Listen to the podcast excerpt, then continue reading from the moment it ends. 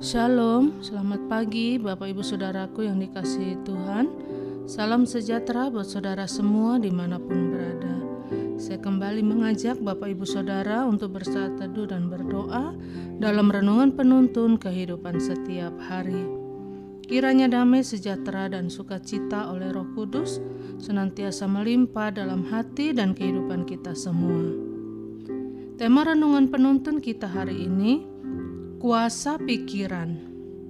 Ayat bacaan kita terdapat di dalam Filipi 4 ayat 8 dan 9. Demikian bunyi firman Tuhan.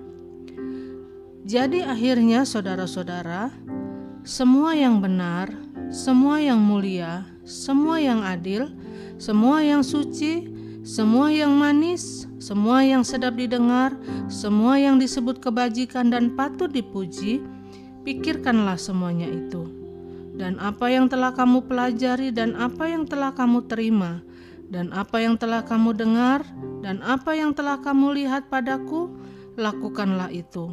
Maka Allah sumber damai sejahtera akan menyertai kamu. Bapak, ibu, saudaraku yang dikasihi Tuhan, tahukah kita bahwa pikiran sangat menentukan banyak hal dalam hidup kita? Tetapi perlu kita sadari dan perlu juga kita mengerti bahwa pikiran kita banyak dipengaruhi oleh beberapa hal dalam kehidupan kita. Karena sering kali apa yang kita pikirkan merupakan reaksi dari keadaan di sekitar kita. Sehingga itu masuk dalam pikiran seseorang. Jadi, kuasa pikiran itu ditentukan oleh banyak hal Saudara yang dikasih Tuhan, dari ayat bacaan kita hari ini, kita dapat melihat bahwa ayat ini ditulis oleh Paulus ketika dia ada di dalam penjara.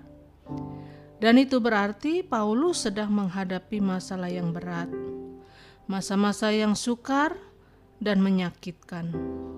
Tetapi dalam peristiwa seperti itu, Paulus tidak berusaha untuk membawa pikirannya fokus pada masalahnya, tetapi justru dia mengingatkan jemaat dan berkata, "Biarlah semua yang benar, semua yang mulia, semua yang adil, semua yang suci, semua yang manis, semua yang sedap didengar." Semua yang disebut kebajikan dan patut dipuji, pikirkanlah semuanya itu. Itu artinya apa pun yang kita lakukan kalau pikiran kita tidak diisi dengan hal-hal yang positif, maka semua menjadi sia-sia. Jadi, semua dari pikiran dulu. Kalau pikiran kita positif, maka apa yang kita pelajari menjadi jelas. Nah, dari ayat bacaan kita hari ini, pelajaran apa yang dapat kita terima dan dapat kita jadikan sebagai penuntun kehidupan kita.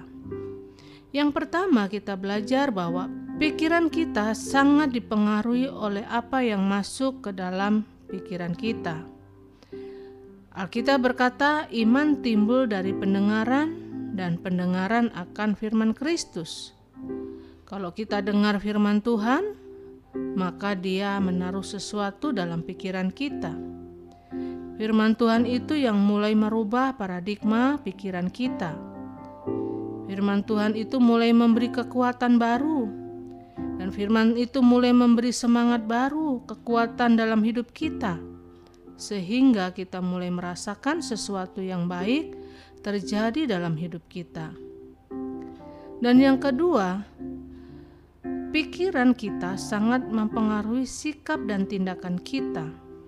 Jadi, apa yang masuk itu yang mempengaruhi pikiran kita. Tetapi, apa yang ada dalam pikiran sangat mempengaruhi sikap dan tindakan kita. Contohnya, kalau seseorang sedang panik, maka sikap dan tindakannya biasanya menjadi sikap dan tindakan yang ceroboh. Kenapa? Karena dia sedang panik atau sedang sedih, sehingga sikap dan tindakannya nyata sekali jadi kalau kita isi pikiran kita dengan hal-hal yang positif, maka otomatis sikap dan tindakan kita juga menjadi positif. Dan yang ketiga, kita pelajari bahwa pikiran kita sering kali menjadi tempat peperangan.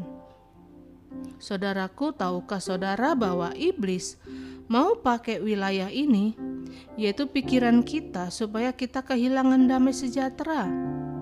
Ada saja yang terjadi, dan setan mau taruh dalam pikiran kita sesuatu yang buruk, sampai iblis bisa merampas damai sejahtera kita. Iblis mau menghilangkan visi dan segala sesuatunya dari dalam hidup kita.